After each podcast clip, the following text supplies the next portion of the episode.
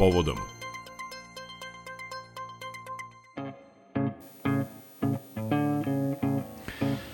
Inicijativu da februarsku nagradu dobije Stefan Milenković podneli su Akademija umetnosti Univerziteta u Novom Sadu i Udruženje građana Valmaro Trio. Novčani deo nagrade u iznosu od 130.000 dinara naš proslavljeni violinista i direktor gradske koncertne dvorane donirao je Akademiji umetnosti u Novom Sadu gde je angažovan kao redovan profesor na katedri za gudačke instrumente Departmana muzičke umetnosti. Time je želeo da podrži studente na koje svakodnevno nastoji da prenese bogato znanje i iskustvo stečeno tokom internacionalne karijere duže od četiri decenije. Mladim talentima namerava da pruži prostor i u gradskoj koncertnoj dvorani, a o svom pedagoškom pristupu i odlikama naše violinske škole, ali i specifičnom mentalitetu, govorio je Ivani Maletin Ćorelić. Hoće li mladi muzičari dobiti šansu da nastupe na toj sceni? Apsolutno, to je definitivno ogroman deo ogroman deo onoga što ja inače ne samo u sali, nego bih želeo da, da uradim i u Srbiji, a to je da, da mladi zaista osete jednu podršku, da, da dođu, da učestvuju, da sviraju, da se usavršavaju i da imaju priliku za to, da imaju platformu za to. Mislim, mi se ne bavimo masovnim brojima, jednostavno to je priroda klasične muzike, da takvi su instrumenti, da teško pune stadion sa nekim zvukom, ali opet mislim da, da što više ljudi dođu u kontakt i da čuje to, da bude inspirisano sa, sa tim zvukom koji mi proizvodimo, sa tom istorijom ostalom i, i o, tradicijom, to može samo da obogati sve nas, zaista kao društvo.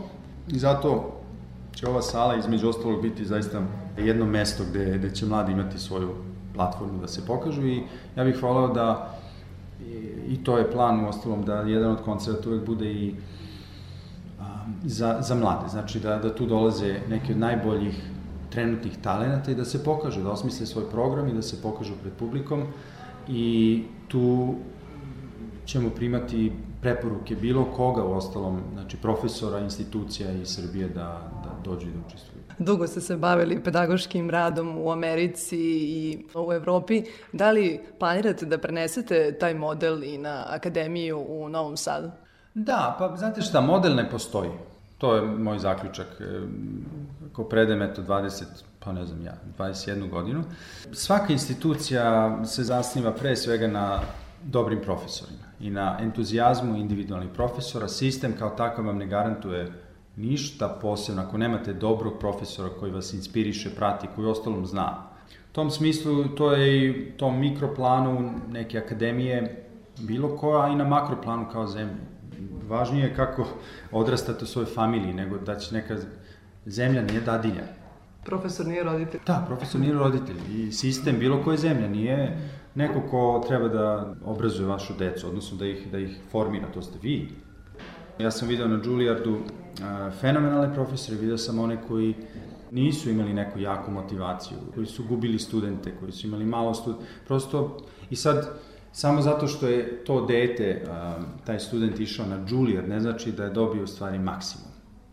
Ima taj brand, da, to nekome može zaista da znači, ali suštinski nije dobio maksimum.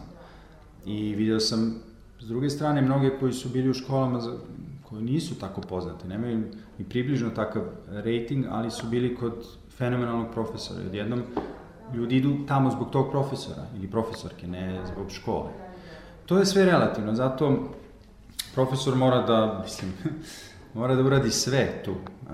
Sve, s druge strane, da uvek postoji tako jedan, neću da kažem distanca, ali jedan, jedan profesionalizam u tome svemu.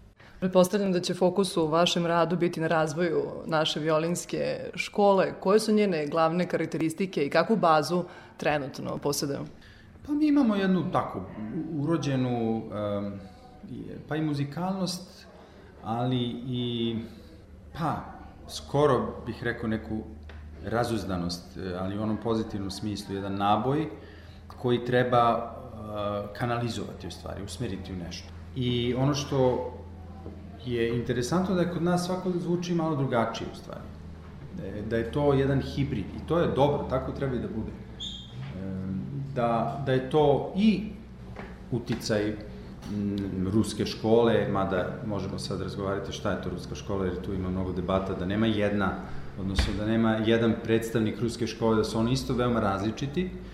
Znači, i te ruske tradicije i zapadne, u ostalom, tradicije tu obližnih zemalja, koje su i tekako jake i francuske škole i bečke škole, i e, da se svi pomalo razlikuju, a mi imamo taj jedan temperament u stvari. Jak temperament i nerv i ono što je bitno dodati tu je disciplina i struktura. Jer svi znamo da, da mi kao narod volimo da se provodimo, to nije problem. Problem je stati i onda uraditi nešto profesionalno i blokirati sve druge distrakcije. To je ono što razlikuje neke narode koji nemaju ni približno takav instinkt, da tako kažem, za provodom, ali imaju jednu postojanost, onako, nemilosrdnu. Ako gledam razne talente koje sam ovako imao priliku da i podučavam e, i sretnem, mnogo je onih koji su bili veliki talenti, ali koji nisu imali dovoljno drugih stvari, nisu imali disciplinu, nisu imali prosto sposobnost da, da prestanu, prosto da, da se usresede na nešto i koji na kraju nisu ništa uradili, koji su nestali. Činjenica je da većina tih talenata posle svoj obrazovni put nastavi u inostranstvu. Da li je moguće zadržati ih ovde uvođenjem nekih novih obrazovnih modela? Kažem opet, male zemlje, vi imate samo određeni broj orkestara, određeni broj mesta, profesorskih mesta. Znači, ako završite muziku, prosto limitiranje, limitirani su neke šanse. Ne znači da ih nema, ali prosto tak, tako je. I onda je normalno da, da mnogi gledaju napolje, jer imate stotine i stotine orkestara i institucija gde možda možete naći neki posao. I tu, u tome nema ništa loše. A, ostalom, to je normalno i to je u svim zemljama tako. Samo kažem, mi smo mali pa se sve to vidi, dramatičnije se osjeća. O, ja bih volio samo da ti koji ovde steknu znanja, toga ima i tekako, e, da onda na ovaj ili onaj način posle i vraćaju to. Neka odu i normalno je da ako nema mesta orkestrima, orkestrima ili nema mesta u institucijama, da, da nađu neko mesto negde drugde, ali da se zna da je to made in Serbia, jer to jeste tako. To jeste tako. E, ali često ono što se dešavalo i dešava to je da vas neka druga institucija rebranduje, jer bolje radi marketing od vas. I onda ispada da ste vi naučili ne znam šta negde drugde. To, ali najčešće nije tačno. Ovaj, um, Zato mislim da eto da se stvori kružna cirkulacija u stvari talenata, više nego samo one way. To je ono što je realistično. Drugo nije možda realistično, je prosto tako je u mnogim zemljama, nismo mi izuzetak.